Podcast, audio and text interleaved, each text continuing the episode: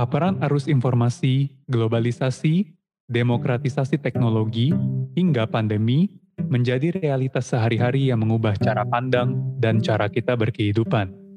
Apakah cara kita berarsitektur sudah relevan dengan perkembangan peradaban? Pada setiap kemungkinan dan ketidakpastian, hadir persimpangan-persimpangan. Ini yang menarik untuk kita bicarakan. Bahwa, terlepas dari kecenderungan arsitek untuk berpraktek di ruang hampa, sudah saatnya kita membuka diri terhadap konfrontasi beragam pemikiran dan pendekatan. Dalam podcast Persimpangan, kami bertanya kepada mereka yang sedang mengeksplorasi kemungkinan-kemungkinan baru yang belum terjamah. Apa yang akan mereka lakukan jika profesi arsitek yang selama ini kita tahu hilang?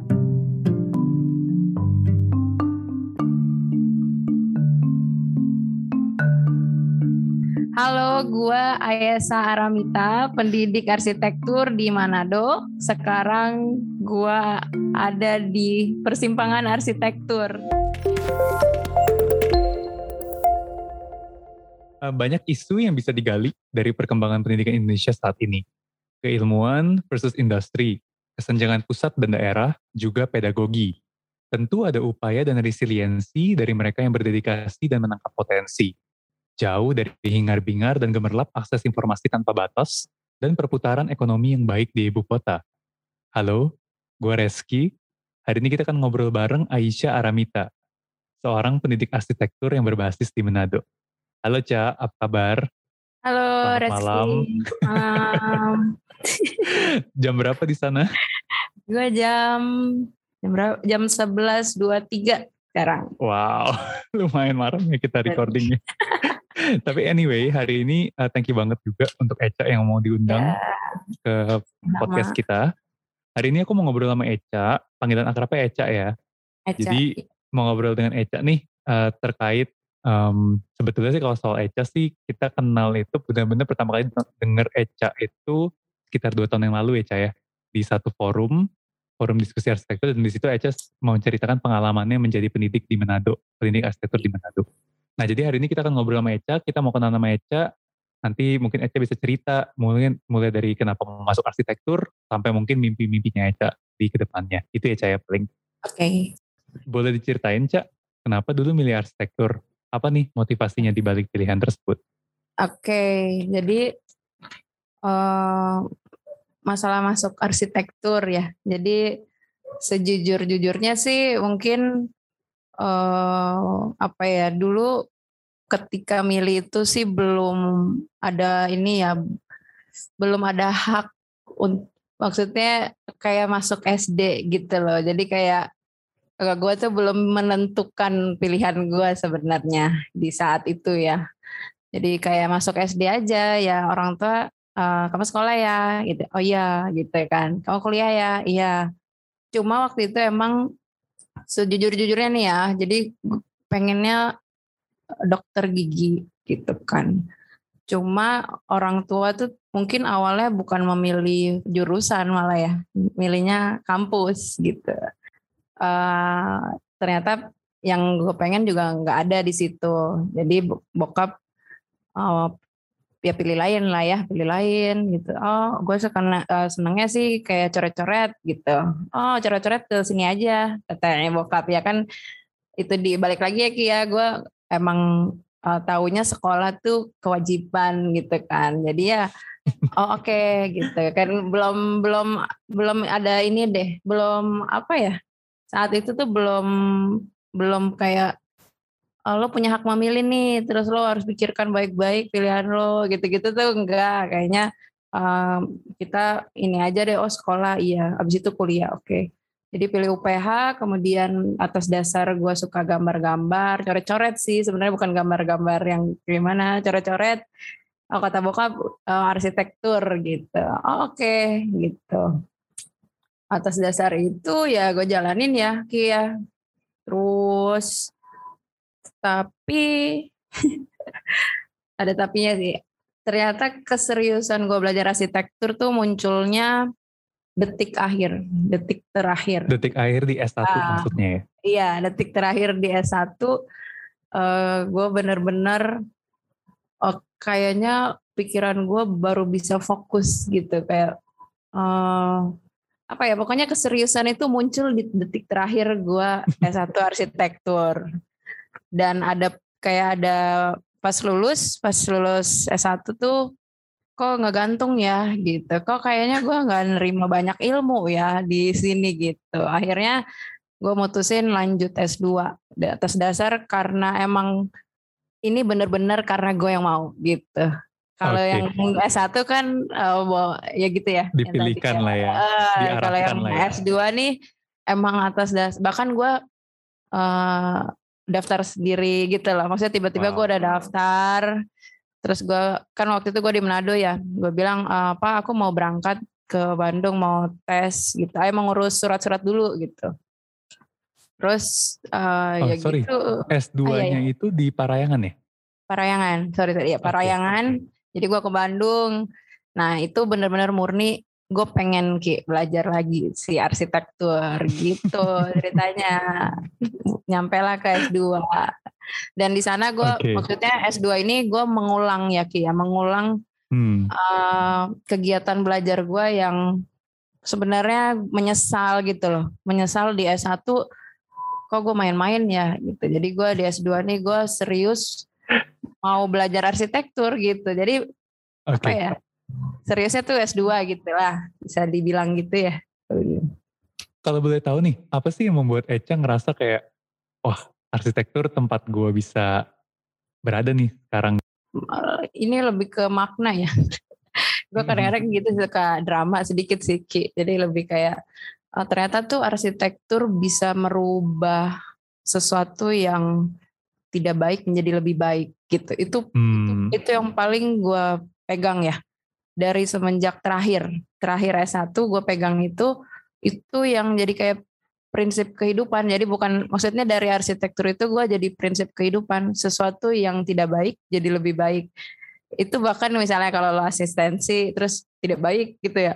Enggak, gue bisa jadi bisa lebih baik gitu. Jadi uh, prinsip itu yang di sekolah itu yang di arsitektur kan misalnya revisi oke okay, minggu depan gue jadi lebih baik lagi gitu. Jadi bisa dilebih baikin lagi apa yang tidak tidak baik kemarin gitu. Termasuk uh, jadinya ke prinsip hidup gitu. Jadi apa hmm. yang makanya gue mengulang mengulang lagi di okay. S2 dengan prinsip gue bisa lebih baik lagi dari S1 gitu. Oke, okay. nanti kita akan kembali lagi ya ke makna ah, iya, arsitektur iya. menurut Eca. Yep, itu seru tuh barusan. Tapi aku mau nanya dulu nih, habis itu kan uh, memutuskan dari setelah kuliah S1 selesai hmm. di Pelita Harapan, lanjut secara sadar ya, secara sadar, secara sadar. untuk ke uh, Unka Parayangan gitu ya. Iya, iya. Lalu um, kemudian memutuskan menjadi pendidik apakah memang dari awal memang ada mimpi untuk jadi pendidik secara setelah lulus? Karena tentu kan bisa dibayangkan ya rute hmm. menjadi arsitek gitu kan. Uh, dan yeah, apalagi yeah. katanya uh, Aicha tuh jatuh cinta gitu kan sama arsitektur gitu. Kalau yeah. kalau boleh tahu nih uh, untuk menjadi pendidik itu tuh pertimbangannya apa aja ya? Maksudnya apakah memang itu diputuskan dari awal atau baru diputuskan hmm. di tengah-tengah? Gimana? Uh, yang pendidik itu sebenarnya di tengah ya karena hmm. uh, awal masuk S2 kan niatnya gue belajar gitu bukan mau uh, target sesuatu ke depannya gitu loh. Maksudnya oh gue harus S2 nih untuk jadi dosen misalnya gitu ya. Tapi ternyata kan di tengah perjalanan gue mendengar-mendengar oh kalau lo S2 ada kesempatan lo jadi dosen gitu. Dan kayaknya gue tertarik gitu. Kayak itu panggilan lah yang kayak gitu sih menurut gue panggilan ya. Mengajar tuh kan panggilan gitu. Uh, jadi di teng kalau ditanya itu sih gue tengah-tengah gue berniat oh gue lulus mau ngajar gitu. Jadi di tengah di tengah-tengah baru kalau di awal gue niat emang pengen belajar lagi gue pengen belajar lagi gitu di tengah baru gue mutusin oke okay, lulus gue mau jadi dosen tapi tapi, tapi itu seru ya ketika uh, lu memutuskan untuk belajar sesuatu tapi ternyata alhasil hal itu justru yang membuat lu ingin mengajar gitu. Ya kan? Jadi kayak yeah. lu iya. ketika lu belajar, memilih belajar sesuatu, terus ternyata lu jadi justru karena lu belajar lu jadi pengen mengajar gitu. Uh. Itu itu mungkin sesuatu yang uh, menarik juga yang bisa di garis bawah itu. Nah, uh. ada gak sih kejadian atau atau mungkin turning pointnya di mana lu merasa kayak oke, okay, gue jadi dosen nih. Ada nggak sih? Uh, kayaknya waktu S2 tuh gue nggak belum seyakin itu sih Ki, kayaknya ya. Maksudnya uh, karena masih menikmati proses S2 itu juga, tapi kan uh, gue prinsipnya uh, tujuan tercapai, uh, gue harus punya tujuan baru. Tujuan tercapai lagi, gue harus punya tujuan baru gitu. Jadi ketika tujuan S2 gue tercapai, gue harus punya tujuan baru gitu. Itu sudah ditargetkan sih. Maksudnya kalau fix nih gue jadi itu sebenarnya sih uh, gue paling paling apa ya? Paling uh, tidak memungkiri kalau sesuatu yang gue rencanain bakal belok gitu. Tapi gue harus punya tujuan dulu gitu. Oh tujuannya mau ngapain sih? Abis itu dosen dibilang aja gitu maksudnya. Tapi okay. iya tapi gue ya tapi kan karena atas dasar itu ya kita kan kebentuk sendiri ya. Harus betul betul. Uh, secara tidak sadar gitu dibanding gue nggak tahu ya gue mau ngapain ya? Nggak tahu sih gue mau ngapain gitu. Itu kan S1 gue S1 gitu mau ngapain ya gue eh, nggak tahu gue habis lulus ngapain hmm. gitu. Jadi kalau S2 di tengah S2 itu antara yakin dan tidak yakin cuma itu menjadi tujuan. Tetap akan jadi okay. tujuan dan dijalani it, gitu ya maksudnya dijalani. Paham. Gitu. oke. okay. Uh, terus abis itu setelah menjadi dosen tentu kan uh, melalang buana dulu ya mengajar gitu. Nah iya. kemudian Eca memutuskan untuk kembali ke Manado. Ini ada memang uh, tinggal di Manado dulunya gitu ya Eca keluarganya? Uh, iya ya oh, keluarga gue di Manado sih. Cuma buat nah. balik ke Manado-nya ini hmm? uh, kan mau jadi dosen tadi ya. Terus kan yes, ada yes, lagi yes. kan lanjutannya dosen di mana gitu kan dosen di mana uh, um, sebenarnya jadi gue mikir ya di waktu itu mikir kepikiran ke UPH gitu ya balik lagi hmm. ke kampus tapi setelah gue pikir-pikir Ricky gue nggak yakin tuh UPH karena uh, nggak yakinnya emang gini emang UPH butuh lo ya gitu hmm. ada kepikiran kayak gitu emang UPH butuh lo atau mereka udah banyak itu yang bisa gitu bisa oke okay. uh, eh, jadi yang bisa membantu tanda kutip gitu uh, ya murid-murid di UPH udah banyak gitu iya gitu hmm, terus hmm, hmm, hmm. terus kan berkaitan dengan mem, kita berbagi ya ngajar tuh kan berbagi jadi hmm. kalau Rizky punya uang Rizky mau berbagi gitu kan misalnya Rizky hmm. mau berbagi ke yang membutuhkan gitu ya Rizky mau berbagi yang membutuhkan. Kemudian Rizky punya kenalan-kenalan, kerabat-kerabat, misalnya Rizky punya driver, oh Rizky tahu dia uh, membutuhkan gitu ya. Nah, lingkup yang Rizky kenal itu memang Rizky bilang, oh dia membutuhkan nih. Padahal kan ada lagi yang lebih membutuhkan, tapi karena Rizky kenalnya orang itu yang di sini di sekitar Rizky, jadi Rizky gitu ya. uh, memberikan uangnya ke drivernya misalnya. Nah, gue kebetulan itu ya keluarga di Manado gitu. Dan gue lihat uh, Manado masih butuh lagi. Gitu. Manado masih butuh dibanding gue ke UPH lagi gitu. Uh, di mana itu yang tadi gue kurang yakin ki gue balik lagi ke situ dan keputer-puter lagi gue di situ gitu apakah uh, kayaknya harus disebarkan gitu loh harus disebarkan virus virus-virus itu harus disebarkan ke ada daerah-daerah apa tuh 3T itu apa ya ter apa gue lupa tuh. Gue lupa yang maksudnya yang tidak terjangkau kayak gitu. Kayaknya lebih membutuhkan. Yang tadi yang gue bilang ya kayaknya berbagi deh. Kalau ngajar tuh kayaknya berbagi ya. Berarti waktu ke Manado pasti udah eyeing uh, a lot of universities kan ya? Yang mana yang oh. bisa tempat ecak nih. Nah Uh, pilihannya adalah Universitas Nusantara Manado. Ya? Nusantara. Iya. Itu dari awal berarti ya di UN uh, Manado.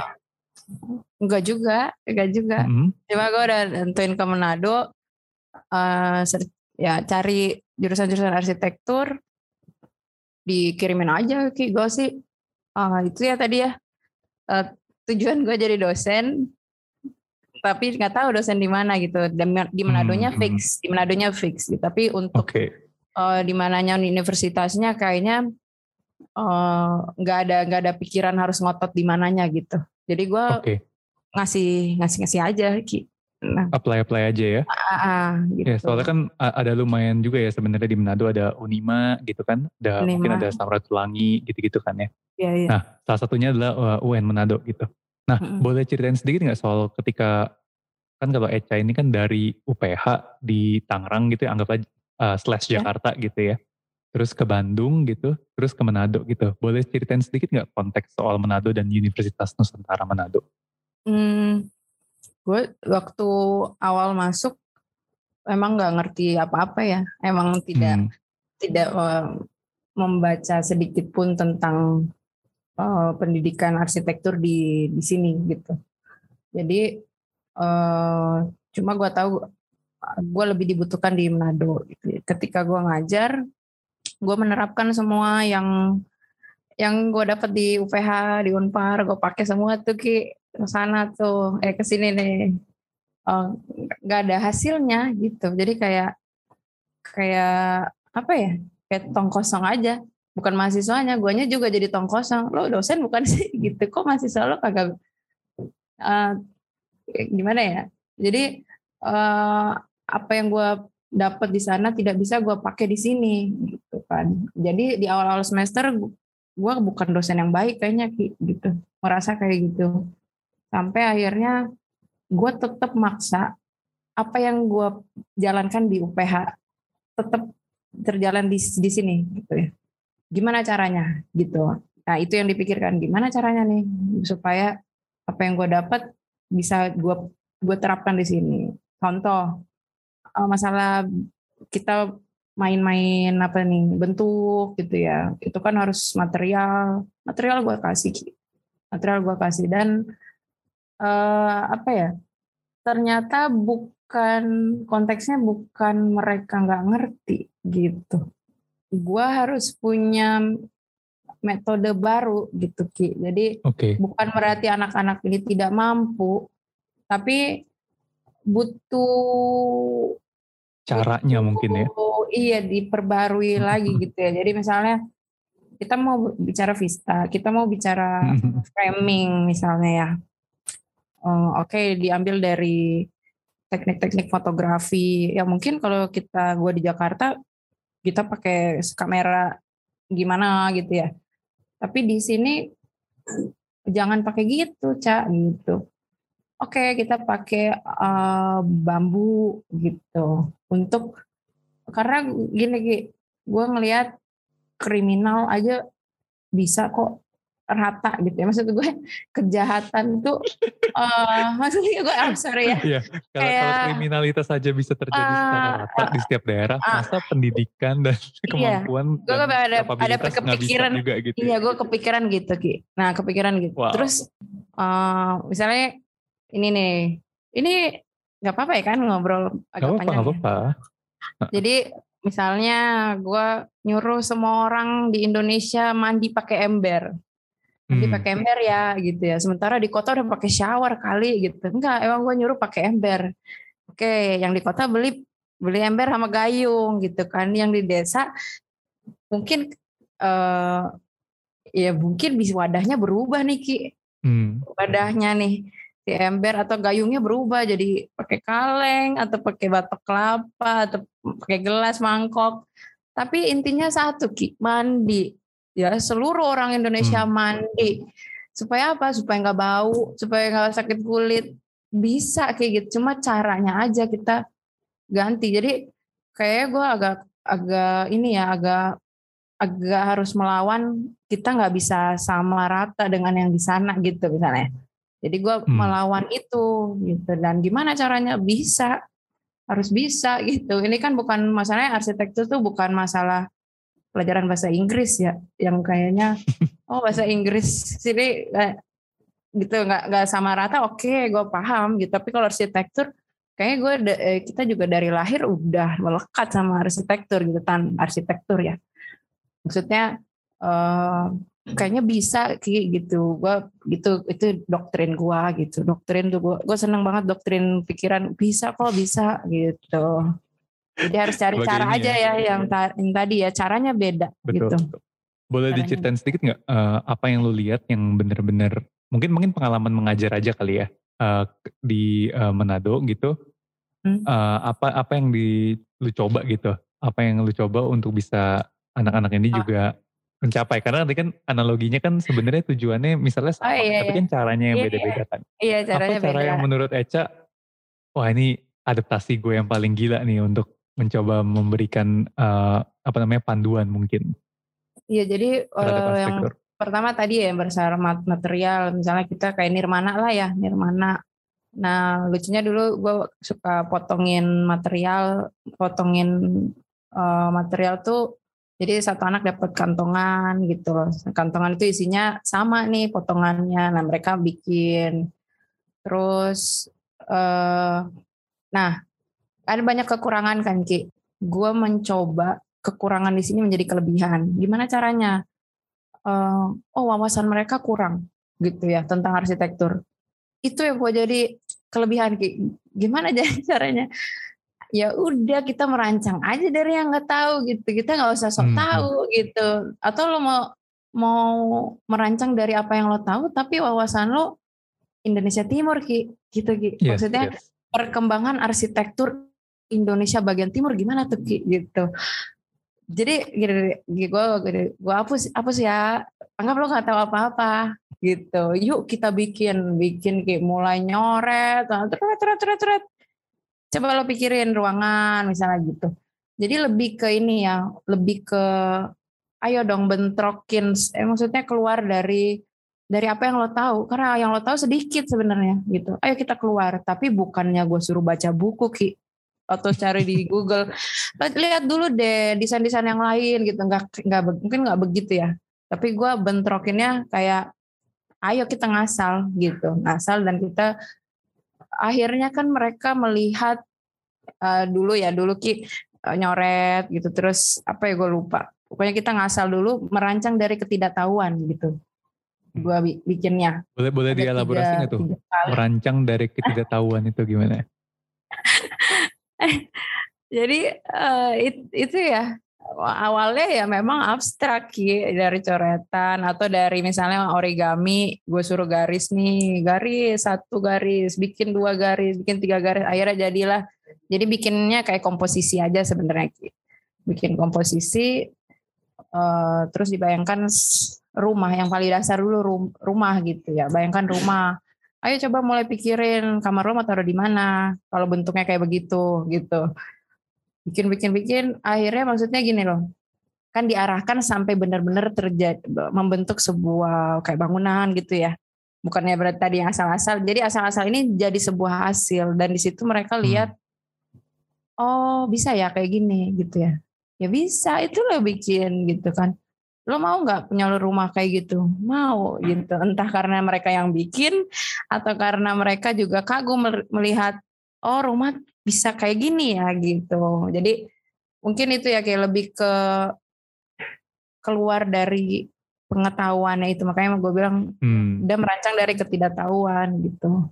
Justru justru malah malah ditemukan bentuk-bentuk baru ya kayak justru. Betul, nah, betul itu. Karena kan ki eh, gua gak bisa nih menerapkan kita studi tour yuk gitu. Ke sana yuk. Oh, gitu. Tuh memang mimpi pengen gitu mengajak gitu. Siapa tahu bisa gitu tapi susah susah sangat susah Hmm. gitu jadi gimana sih supaya mereka keluar dari pengetahuan arsitektur di sini gitu Oke. Gitu. bahkan ke, Wah seru. oke Eh, Gitu-gitu. pertanyaan selanjutnya sebenarnya lebih kayak eh, ekstensi dari barusan. Jadi kayak tadi kan Eca bilang bagaimana kita bisa clean slate dulu nih dari mainnya anak-anak untuk tidak mungkin yuk kita merancang dulu kita lupakan apa yang kita mungkin tahu sedikit gitu kan Hmm. tentang apa yang di luar tapi justru kita melihat apa yang di sekitar kita gitu kan apa yang mungkin eh, kita kita tahu dulu nih melalui konteks kita di Manado. Nah, em, tapi kan yang namanya pendidikan ya, pasti ketika Iya. orang mau masuk kampus secara natural, dia pengen kerja abis itu kan. Nah, pasti di, di masa sekarang di mana informasi melalang buana gitu ya secara bebas, pasti ada tekanan dong ketika anak-anak di Manado ini pengen kayak anak-anak mungkin yang di ibu kota gitu atau yang di Bandung atau yang di Jakarta atau even di UPN Iya. gitu kayak aku pengen bikin kayak gitu dong. Mem, aku mau dong desainnya kayak yang aku lihat nih di mungkin di Instagram gitu atau mungkin yang aku lihat nih punyanya arsitek siapa gitu, arsitek A, B, C, D gitu. Itu kan sebenarnya sebuah perlawanan dari apa yang Eca mau ajukan kan bahwa yeah. ketika kita mencoba lupa dulu sama yang kita mungkin tahunya sedikit, kita cuma tahu kulitnya doang, tapi justru kita mendalami apa yang di sekitar kita di mana ada di konteksnya. Nah, gimana tuh, Cak? Uh, ya itu uh, beberapa anak-anak memang begitu ya, pengen lah, pengen uh, ber apa ya menghasilkan sesuatu yang sepertinya atau yang seperti anak UPH gitu ya. Tapi uh, di awal memang gue udah bilang ya, gue udah bilang uh, kita punya kelebihan tersendiri gitu. Kan bukannya kekurangan ya. Kita punya kelebihan sendiri yang uh, anggap anak lah anggap anak ya yang nggak bisa kita soalnya gue gue ngasih contoh waktu itu mungkin ke uh, lebih ke anak ya ke anak gue sendiri gitu. Di mana uh, pemahaman maksudnya tentang pendidikan nih Ki ya.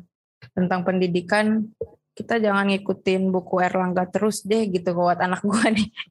Buat anak gue jangan ngikutin Erlangga terus gitu Uh, bahkan penyelesaian matematika pun sudah ada cara cara Jepang, cara Cina atau cara mana lagi gitu dan nggak dan nggak harus tapi memang tuntutannya seperti itu ya Ki ya. Jadi uh, emang agak agak ben agak bentrok sih ya. Jadi kegiatan-kegiatan informal tuh lebih ke akhirnya lebih ke lebih ke luar dari yang ada di kampus sebenarnya. Tapi gue tetap menghormati apa yang ada di institusi. Gue um, mereka tuntutan-tuntutan misalnya yang mengarahkan ke pekerjaan. Contohnya mereka harus tahu peraturan ini ini ini. Ya tetap harus harus mengikuti dan uh, ada pun yang tadi yang gue cerita pengen keluar akhirnya tidak gue terapkan lagi di kampus tapi gue tarik di luar kampus gitu Oke. Okay. Nanti kita akan juga kita akan juga yeah, ke yeah. membahas sektor informalnya Eca gitu ya. Yeah, kan yeah. Eca ini juga selain dosen, dosen itu kan artinya ada di lingkungan institusi gitu ya. Di yeah. formal lah ibaratnya kita ngomongnya. Iya, yeah, formal. Tapi juga ada di informal. Nanti kita akan kembali ke sana. Tapi sebelum ke sana aku pengen tahu dong sebenarnya uh, pandangan Eca terkait pendidikan arsitektur di Indonesia tuh gimana sih? Yang di sepenglihatan dari Eca kayaknya institusi ini kalau kita sebenarnya satu jurusan ya semuanya nih tentang arsitektur. Kan bawa nama Indonesia ya.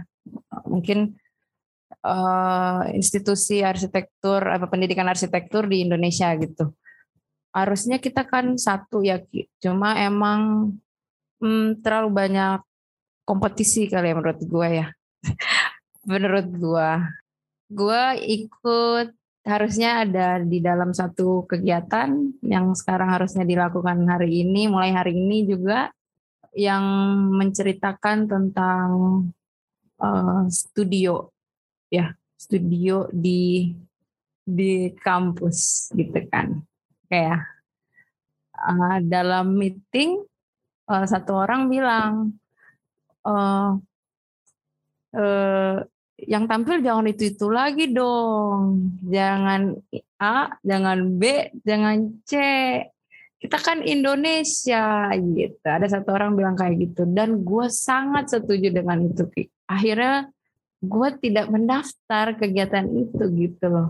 Bukannya gue gue juga jadi minder Ki. Maksudnya jujur nih gue minder karena karena pas lihat listnya uh, gimana ya pas ngeliat listnya yang mendaftar tuh uh, uh, sampai ada ada batasnya jadi ke sini hilang gitu hmm, sementara hmm, hmm. gue dengar dari meeting waktu itu kita tuh ada 190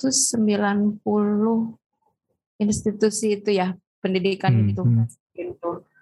Nah lebih fair lagi 190 itu yang kita ada di list itu gue mau ikutan kayak gitu. Tapi kalau cuma satu enggak kayak gini masalahnya nih ya gue mau jujur kita nih kalau gue secara pribadi uh, kayaknya gue gini gini kita bicara nih untuk apa sih Ki? Gitu. Mm-hmm. gue lebih senang yang berdampak gitu ya. Apakah dengan jadi kegiatan-kegiatan itu gue pengennya uh, berdampak ada dampak gitu. Kita berbicara ini harus ada dampak Niki kita Niki apa? Uh, gue tidak menyalahkan siapa-siapa ya Ki ya. Cuma gue kayaknya lebih cocok melakukan sesuatu yang nyata gitu. Gue agak okay. kurang gitu Ki untuk uh, berwacana lah ya Iya, kayak gitu, kayak gitu. kayak gitu, Ki. Kayak gitu. Yes, yes. Seru uh, dong, ah. seru. Nah, tapi ini kan udah ngomongin yang agak susah nih.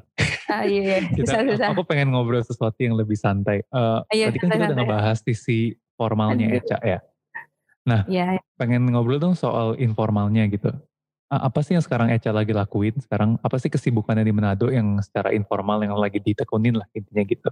Boleh diceritain nggak? Oke, informalnya hmm, yang berkaitan Lagi bikin sama, apa sih, Eca?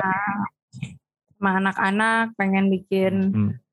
oh, kegiatan nih Ki Oktober.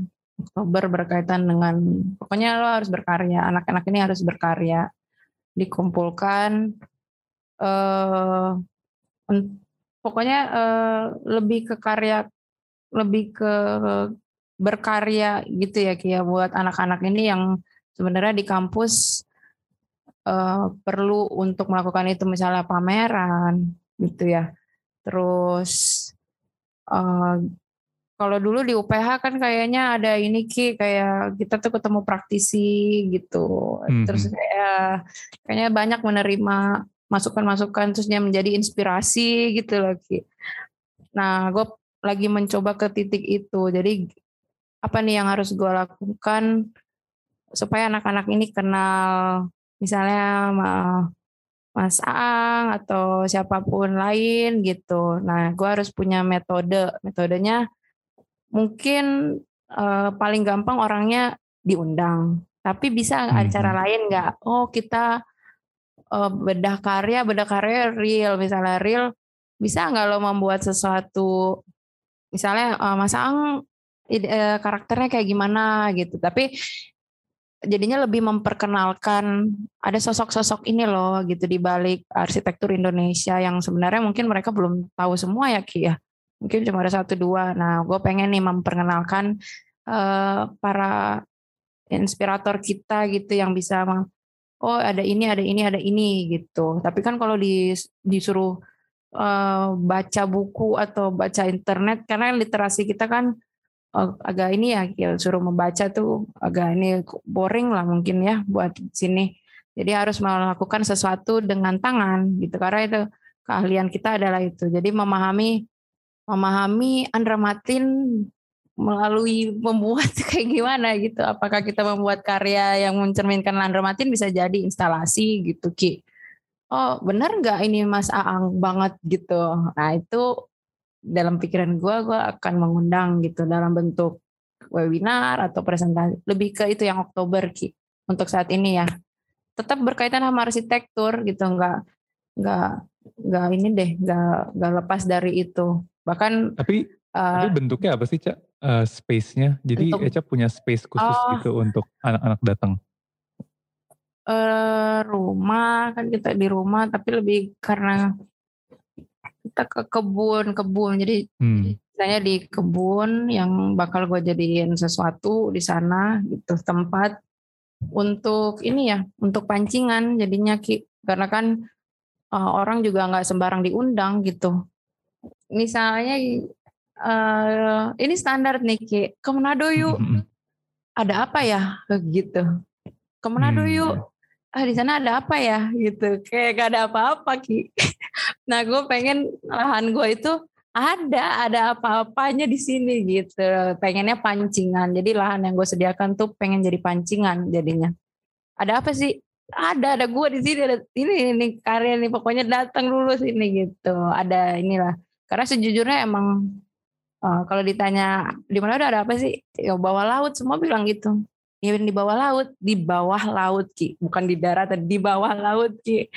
Kayaknya tanpa laut itu ah nggak ada apa-apa yang berkaitan dengan arsitektur ya maksud gue ya. Maksudnya berkaitan dengan arsitektur ada apa ya gitu. Bahkan yang tradisional pun sampai ah ada apa ya? Gue juga bingung gitu kan. Ada apa ya? Gitu. Jadi gue pengen menciptakan ada apa di sini gitu. Di lahan itu supaya ada pancingan kan orang Rizky, uh, uh, Rofi ke sini yuk.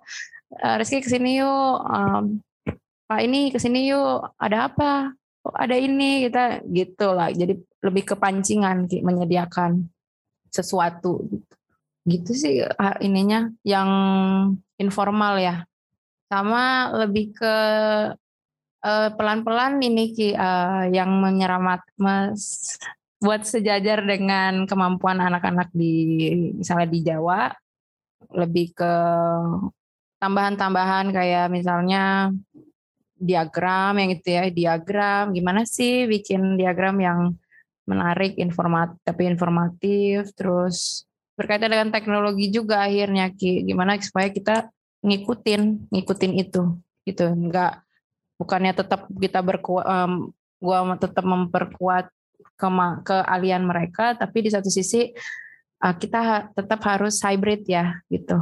Pelan-pelan kita penuhi gitu yang yang harusnya lo juga bisa eh, harusnya lo punya pengetahuan itu pelan-pelan dimasuk ditambahin di luar di informal itu. Itu tujuan informalnya lebih itu sih lebih kayak les ya kayak tambahan hmm, les tambahan. lah ya. Iya, lebih kayak les tambahan yang yang lebih yang tidak dapat dipenuhi di kampus gitu. Terus ekskul ini, ekskul ini tuh tiap hari gitu atau gimana cak? Apa tiap uh, selesai kampus mereka main ke kebun gitu? Oh enggak enggak enggak enggak. Ini uh, tak tetap tahunan, G. Maksudnya yang hmm, hmm, kegiatan-kegiatan hmm. seperti itu mungkin tahunan tapi selebihnya eh, gue menyediakan tempat itu untuk berarsitektur lebih gini ya. Mungkin orang biasanya nih Ki eh, ke daerah dengan misi pendid eh dengan kedok pendidikan punya hmm. misi keagamaan misalnya. Gue kebalikannya Ki. Gue kebalikannya. Jadi gue misi eh, eh kemanusiaan dengan eh, dengan misi berarsitektur. jadi oh bayang nggak? Jadi uh, panggilannya tuh bukan berarsitektur ya. Panggilannya mm, ngumpul yuk gitu. Eh ke sini yuk mm-hmm. gitu. Lebih justru gitu, kedoknya jadi, arsitekturnya ya? Uh, ya bukan ke gitu kebalikannya ya. Supaya ya itu tek cara gua di di sini gitu perlu. Aku Terus, kembali ke pertanyaan yang kita tadi sempat skip Sebenarnya makna arsitektur menurut Eca tuh apa sih? Ah. Sampai segitunya gitu, jatuh cinta, terus sampai sekarang bahkan dengan alih-alih kemanusiaannya, tapi sebenarnya kedoknya berarsitektur juga gitu. Sebenarnya maknanya makna arsitektur itu sendiri atau mungkin uh, makna ilmu mungkin ya makna ilmu arsitektur atau even uh, arsitektur itu sendiri buat Eca tuh apa sih? Iya itu ya Ki. Jadi lebih ke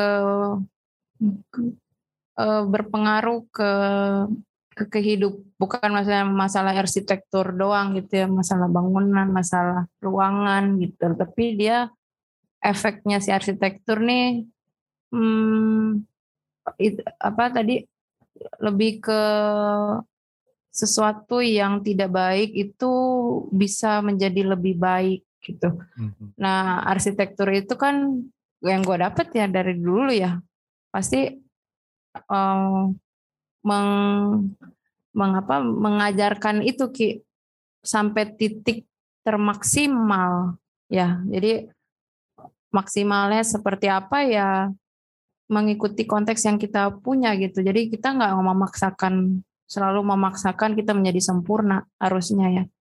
Uh, seharusnya nih ki seharusnya kita tahu tidak akan pernah sempurna sih dari arsitektur ya ki ya gue terlalu ke ini kehidupan banget ya, tapi Iya, karena tadi kan satu sesuatu yang tidak baik Tidak baik baik. baik. Kemudian tidak ada yang sempurna ki, karena Tidak akan terus-terus dicari.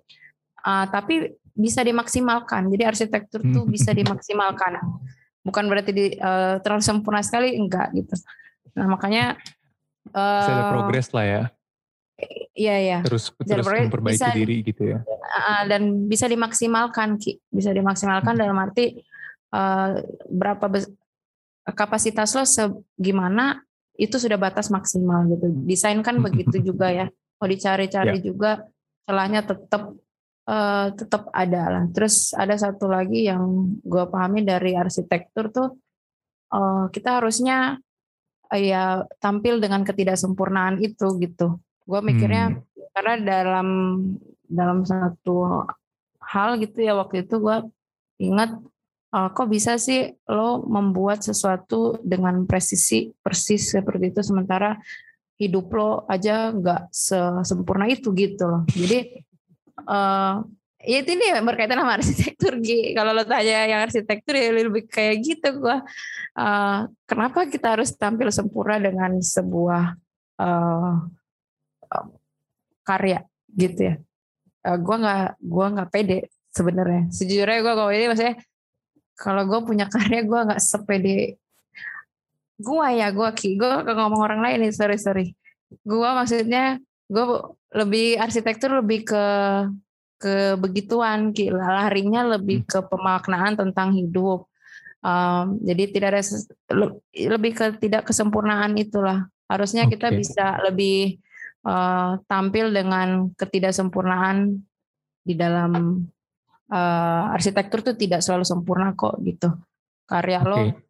harus uh, berkarya berkarya Terus terus, ya. gitu Ah, jadi eh, sebenarnya itu balik lagi ke yang ke ketinggalan itu enggak kita bisa kok memaksimalkan apa yang kita punya di sini untuk ya dimaksimalkan gitu untuk tidak perlu mengikuti eh, misalnya di sana gitu atau di atau rumah-rumah kan kita standar ya mungkin di perumahan gitu apakah rumah kita desain-desain anak-anak jangan sampai kebawa ke ke gaya-gaya yang tidak inilah gitu gitu ki Oke. Ini lanjutannya agak nih. Eh, mau tahu dong misi dan mimpinya Eca bergerak di sektor Eh. pendidikan informalnya. misi misi dan oh, bergerak di informal ya Apakah hanya me- menambah luas kolamnya gitu untuk supaya terus belajar ada ada lagi medianya bertambah untuk belajar atau gimana hmm, semangatnya? Atau punya Mungkin mimpi lebih- mungkin untuk memperlihatkan karakter Manado di luar? Mungkin gak gitu kali ya? ya lebih lebih ke karakter kita apa dan mungkin eh, ke depan maksudnya lebih diarahkan arsitektur tuh lebih bermasyarakat ya gitu ya. Maksudnya lebih bermasyarakat. Apakah kita ini terlalu eksklusif gitu? Menurut gue tuh, jangan sampai eh, arsitek ini menjadi sesuatu yang atau arsitektur menjadi sesuatu yang eksklusif. Kita bisa kok bermasyarakat kita bisa memberi dampak gitu. Lebih diajarkannya seperti itu ki. Jadi hmm, kita mau berarsitektur yuk kita memberikan dampak gitu. Kita maksudnya lebih ke kayak di kampungnya susah apa gitu. Kampungnya butuh apa sih gitu. Dan diambil jadi isu-isu. Misalnya oh kampung gua nggak air bersih kurang gitu. Oh bisa diselesaikan dengan arsitektur. Kita coba yuk gitu. Jadi pelan-pelan kita ambil nih masalah-masalah pribadi di daerahnya masing-masing untuk dibawa pulang kan ki?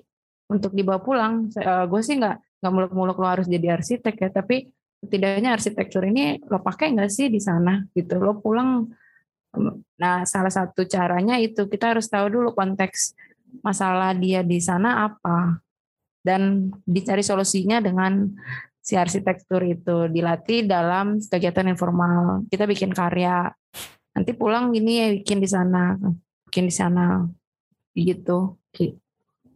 Lebih ke apa tuh dampak-dampak itu yang harus mereka kayak misalnya kita bikin kelapa oh ya dampaknya apa? Ngapain bikin-bikin? Ya sebarkan dong ke petani kelapa. Kita bikin kita kan negara apa apa kelapa? Rayuan eh apa sih nyur melambai gitu ya. Di mana kelapa banyak banget. So, ngapain? Apa cuma batang dan daun yang dipakai? Ternyata kita pakai buah. Gitu. Jadi lebih di, di tetap dikembangkan dengan dengan ini. Kayak butuhnya kreativitas. Intinya sih gue ngelihatnya kreativitasnya kurang nih. Nah gue bantu dengan informal mancing, itu yang mancing ya? yang di luar informal eh, luar formal ya. Formal di informal itu membantu untuk keluar untuk menciptakan kreativitas kreativitas baru gitu. kalau di UPH kan lu gencar tiap minggu tiap ini. Ini banget ya kalau bisa banget gitu. Proses itu terbentuk banget. Tapi kalau di kampus ini mungkin gue ek, harus ekstra ya. Terus ada ekstra kegiatan tambahan untuk untuknya. Jadi informal. Tapi sebenarnya formal juga ya itu ya kayak maksudnya e, berkaitan juga dengan arsitektur dengan kuliah mereka gitu kan tapi kalau yes, yes. kegiatan kegiatan gue lain informal yang benar informal gue ke anak-anak ke anak-anak karena ini berkaitan dengan ngajar di Manado ya bahwa hmm. uh, ngajar jurusan arsitektur di Manado sebenarnya kayak kindergarten aja Ki. Gimana tuh? Ya, uh, gue harus ada media yang yang bener-bener anak ini um, ya nggak bisa dilep gini kayak lepas ya. kali ya gue harus bimbing ya gue hmm, harus hmm, bimbing. Dan bukannya apa ya bukan yang memanjakan enggak oh, gue tahu oh, tahu konteks gitu. Kalau konteks kan uh, bukan rahasia umum ya kalau pendidikan di Indonesia Timur itu ketinggalan gitu. maksudnya kayaknya lo udah pernah pada denger ya kita tuh katanya timur ketinggalan. Kenapa ketinggalan gitu ya?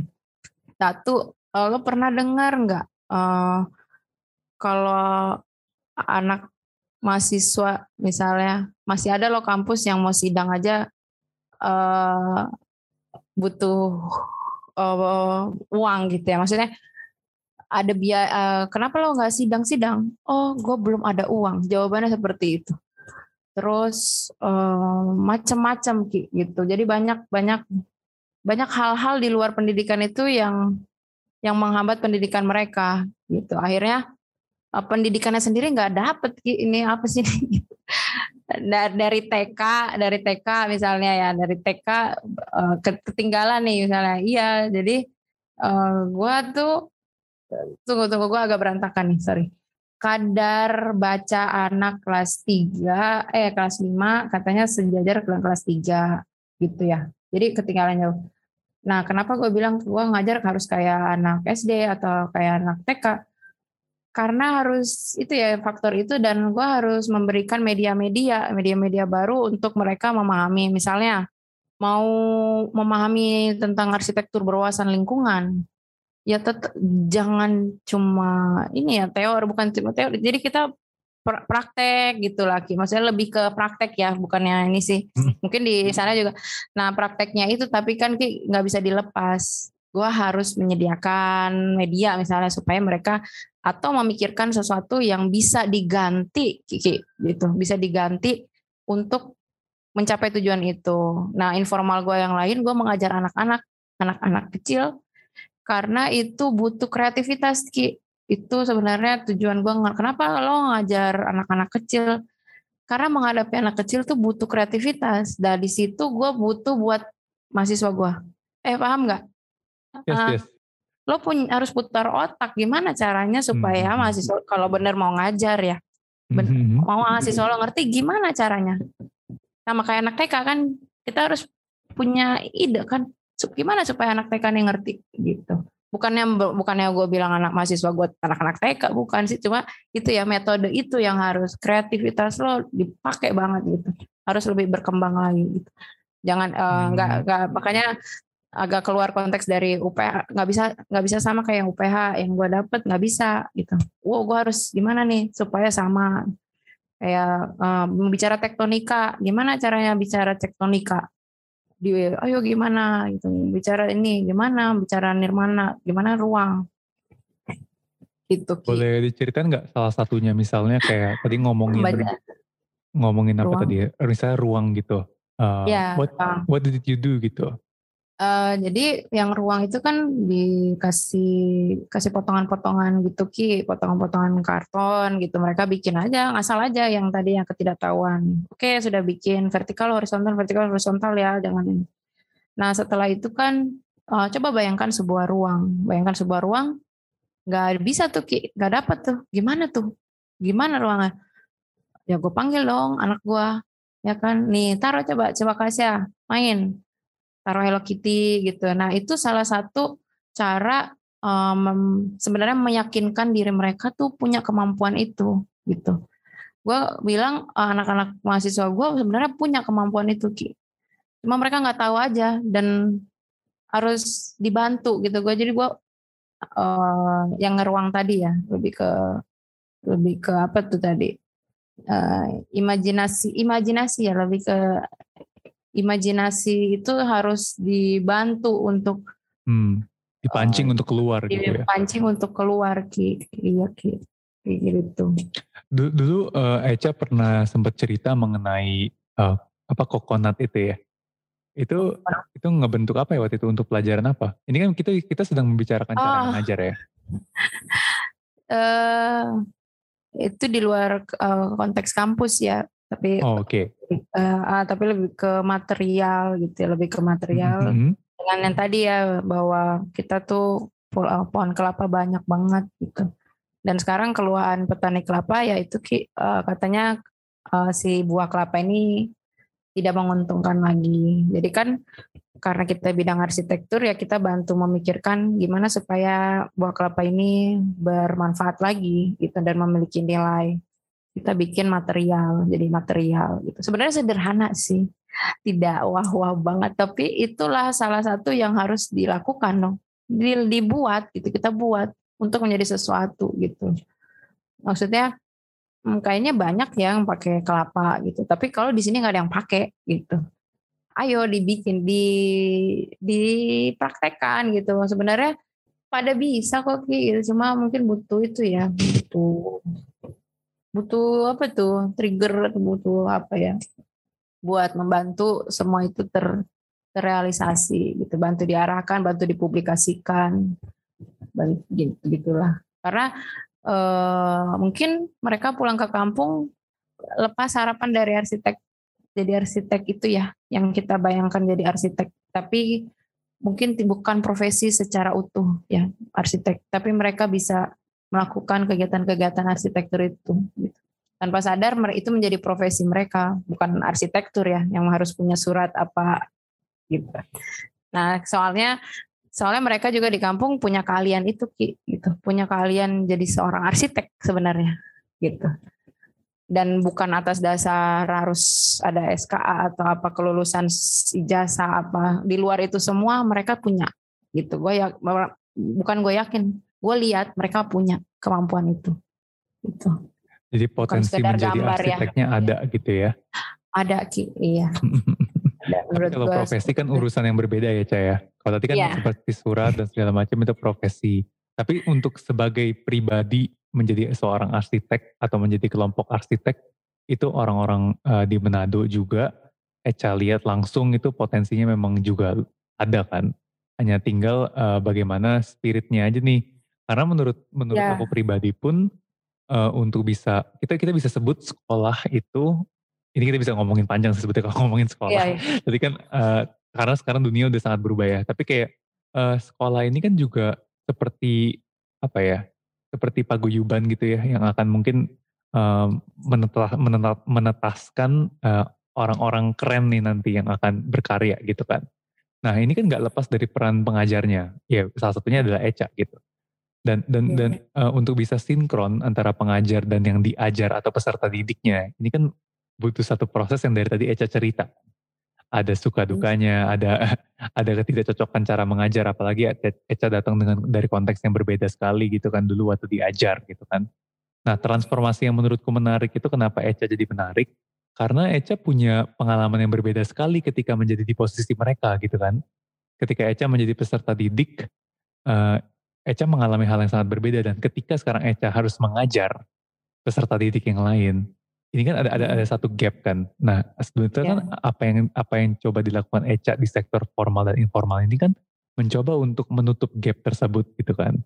Iya, yeah, uh, Uh, aku pengen ajak Eca buat buat sedikit kita agak aspiratif dikit ngomongin masa depan nih ya. Moga-moga bagus nih. Okay. agak mesti agak optimis sedikit gitu ya. Karena aku lihat sebenarnya Eca optimis banget sebenarnya orangnya. Nah, mengenai pendidikan arsitektur di Manado gitu kan. Nah, Eca um, aku dengar tadi kan ada sektor informalnya gitu. Iya. Ini rumah belajar di alam Manado gitu kan. Uh, what hmm. about that gitu sih sebenarnya? Itu uh, masih berkaitan dengan yang tadi ya dia pan, dia sebagai pancingan gitu dan hmm. uh, sebenarnya gue gini Ki yang masalah informal arsitektur ini gue kan mencoba mengambil apa yang gue dapat untuk di, di sharing ke mereka dengan cara-cara yang baru gitu kan. Da, kalau yang tadi yang rumah itu ya masa depannya sih lebih ke tadi ya ke lahan lahan publikasi jadinya lahan publikasi dalam arti pancingan untuk orang mau datang ke sini gitu terlebih khusus ya lebih ke khususnya ke arsitek gue nggak membayangkan jadi tempat kunjungan wisata arsitektur yang gimana, cuma mungkin uh, beberapa orang akan dipanggil ke sini uh, mau gitu ya. Nah, untuk mengarah ke sana kan gue harus bikin sesuatu dulu yang agak agak banyak dikit Ki. untuk orang tahu oh iya dia sudah ada ber, kegiatan gitu ya. Ada kegiatan itu gitu kan di Nah, ini kan pelan-pelan ya, pelan-pelan uh, eh, gue mengumpulkan itu dulu ki. Jadi mengumpulkan ke kegiatan yang pernah gue lakukan pernah yang lakukan. Bukan gue lakukan maksudnya yang pernah kita lakukan di sini gitu. Dikumpulkan dulu baru uh, kayaknya ada waktu yang tepat gue gue harus melakukan kegiatan yang besar ki gitu. Berapa bisa berapa, sih uh, berapa tahun proyeksinya ya cak? Sampai melakukan uh, hal yang besar gua, itu oke okay. sebenarnya sebenarnya ada harapan bulan depan ini kayak gitu. Oh. Ada harapan bulan depan gue pengen banget melakukan sesuatu yang besar gitu. Uh, karena apa ya? Uh, karena mungkin hmm, udah nggak tahan mungkin ya. Ada perasaan-perasaan kayak gitu ya. Hmm. Ada perasaan-perasaan kayak uh, gue nggak peng, udah pengen banget nih. Udah pengen banget Nah ini diarahkan. Sebenarnya gue lagi merencanakan sesuatu di Oktober untuk diarahkan menjadi besar dalam dalam pikiran gue besar ya Ki ya, bukan besar kayak oh heboh gitu. Enggak sih gitunya. Cuma ini besar dalam arti gue pengen mengundang satu orang kayak gitu. Satu aja gue gak emang gak terlalu lebay harus dipublikasi ke mana-mana. Cuma gue pengen menarik perhatian satu orang aja gitu. Tapi orangnya lagi di di uh, dipikirkan yang sesuai dengan kegiatan gue gitu di sini nantinya untuk Oktober ya.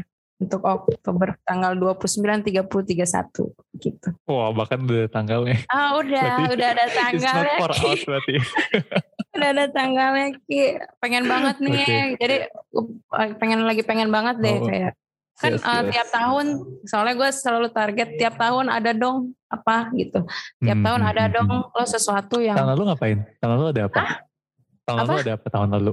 Tahun lalu ada Tahun apa? lalu lebih ke ini ya. Uh, kelapa gue presentasikan mungkin ke orang-orang pemerintah gitu, pemerintah. Oh, oke. Okay. Iya di sini Ceritain gitu. dong, ceritain ceritain ceritain dikit ya soal kelapa. Yang kelapa ya gitu ya. Uh, sebenarnya anak-anak ini pengen tampil kan gitu ya pengen tampil, pengen dilihat gitu Ki. Pengen lah, gue juga dulu waktu kuliah juga pengen gitu. Gue senang banget kalau misalnya ada satu karya terus yang kayak dilihat orang gitu terus dikomentarin. Pokoknya seneng lah yang namanya presentasi gitu. Dan waktu yang pemerintah itu ya eh gue tidak melihat gue tidak melihat ini kayak gini-gini ya komentarnya lebih kayak gini ya kayak wah ini bagus nih nanti kalau jadi mereka membayangkan sesuatu yang lebih dari ini bisa dilakukan dengan teknologi yang lebih lagi gitu kan. Tapi uh, gue sih bilang uh, ya nggak apa-apa gitu ya. Bahkan gue kalaupun mereka mengambil ide gue eh ide gue ide anak-anak ini untuk sesuatu yang mereka bikin nanti uh, kayaknya gue senang gitu. Karena gue belum yakin eh, untuk menyediakan sesuatu alat yang bisa memproduksi sesuatu lebih gitu itu harapan dari pemerintah ya. eh bukan harapan komentar gitu ya komentar-komentar uh, waktu itu kan critical konteks ya critical konteks kita mm-hmm. ini dan sebenarnya anak-anak nih pengen ki gitu ya presentasi mm. cuma karena unit lain tidak berjalan dengan baik ya karena kan pandemi jadi mungkin kesempatan itu hilang lagi anak-anak pengen presentasi okay. gitu. Jadi mereka tidak dapat tapi kan gue uh, uh, harus memikirkan cara ya gimana mereka udah bikin loh gitu. Ya gue kebetulan ada waktu itu pas kebetulan ki gue ingat banget tuh ini yang pemilihan-pemilihan gitu tuh yang kayak partai-partai. Mm -hmm. Nah, gue parah lah ini. Gue ngam jadi gue bikin rumah gue jadi base camp satu salah satu partai yang, yang akhirnya diresmikan oleh para pejabat dan ah, itu gue tarik semua. Ah, naik dulu pak ke atas pak. Gitu dari presentasi itu gue kacau yang penting apa ya gue pengen lah gitu. bukan gue aja ya tapi ya. ah ya lihat dong anak gue lihat dong anak gue pengen wow. banget gitu ki gitu. Uh, nah itu yang Oktober gue pengen nih ki gue pengen banget nih ada yang gue undang entah itu siapa ya gitu ya. Belum dipikirkan nih ki. Lagi doa-doa juga supaya dana ada ya ki ya gitu.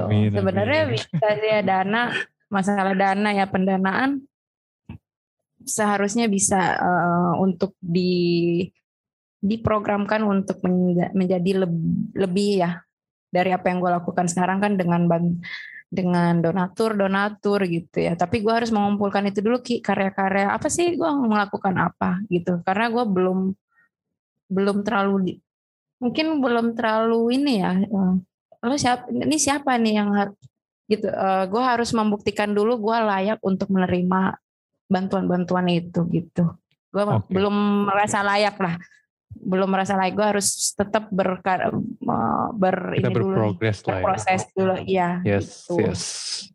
Oke. Okay. Gitu. Ini mungkin pertanyaan yang udah sebentar lagi terakhir. Hmm. Takut kemalaman buat Eca nih. Tapi oh, iya. kalau ngobrol sama Eca kayak bisa panjang nih, koreknya pelan-pelan. Iya.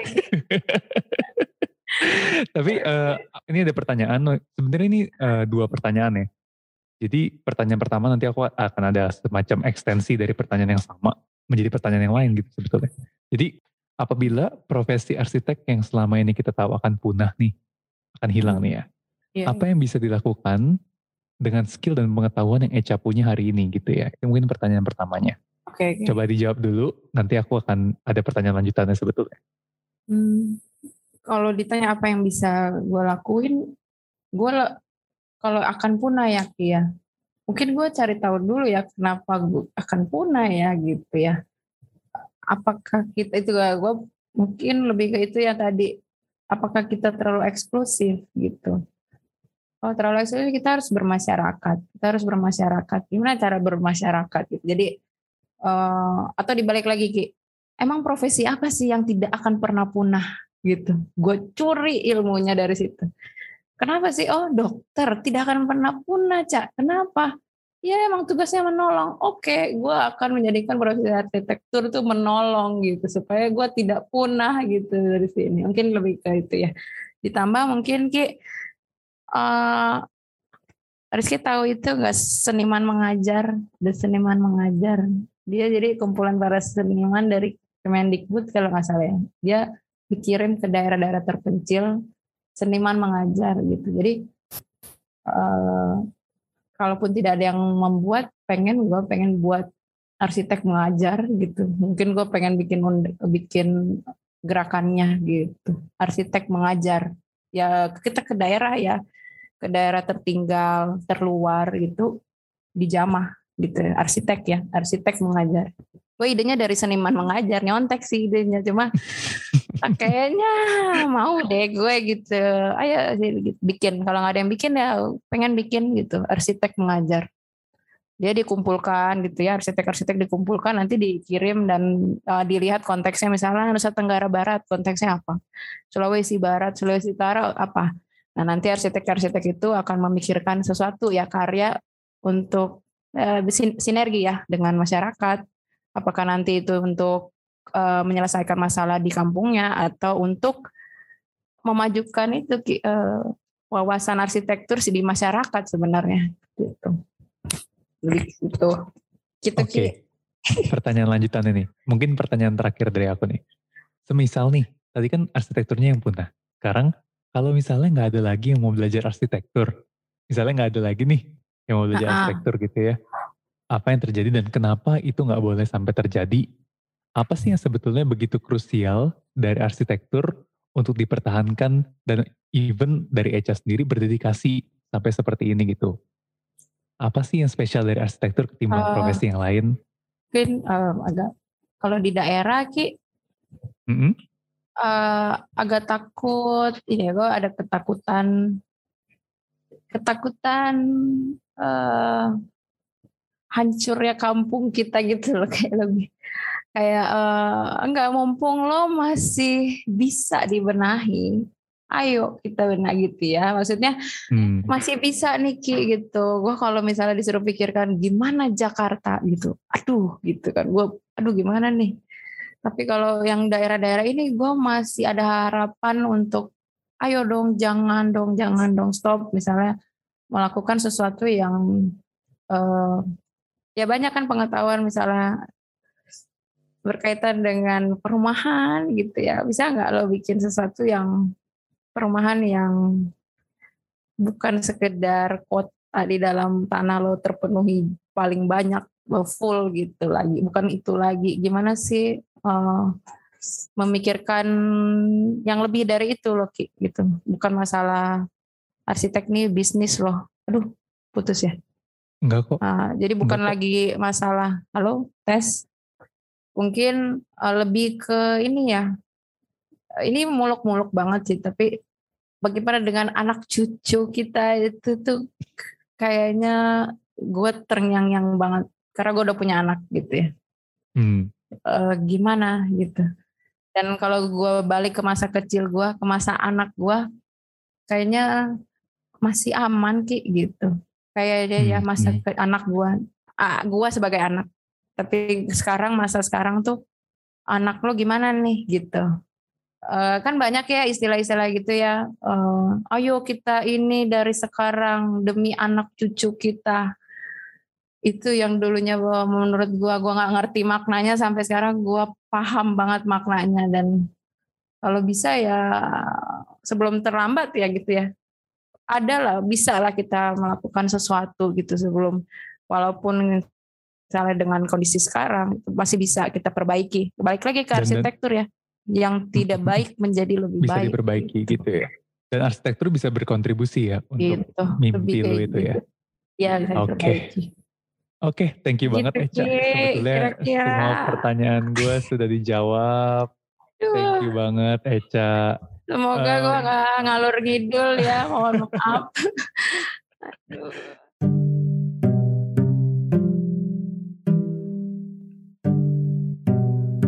Podcast Persimpangan is supported by Nanun Ruang. Nanun Ruang is an educational hub that celebrates the richness and diverse culture and context.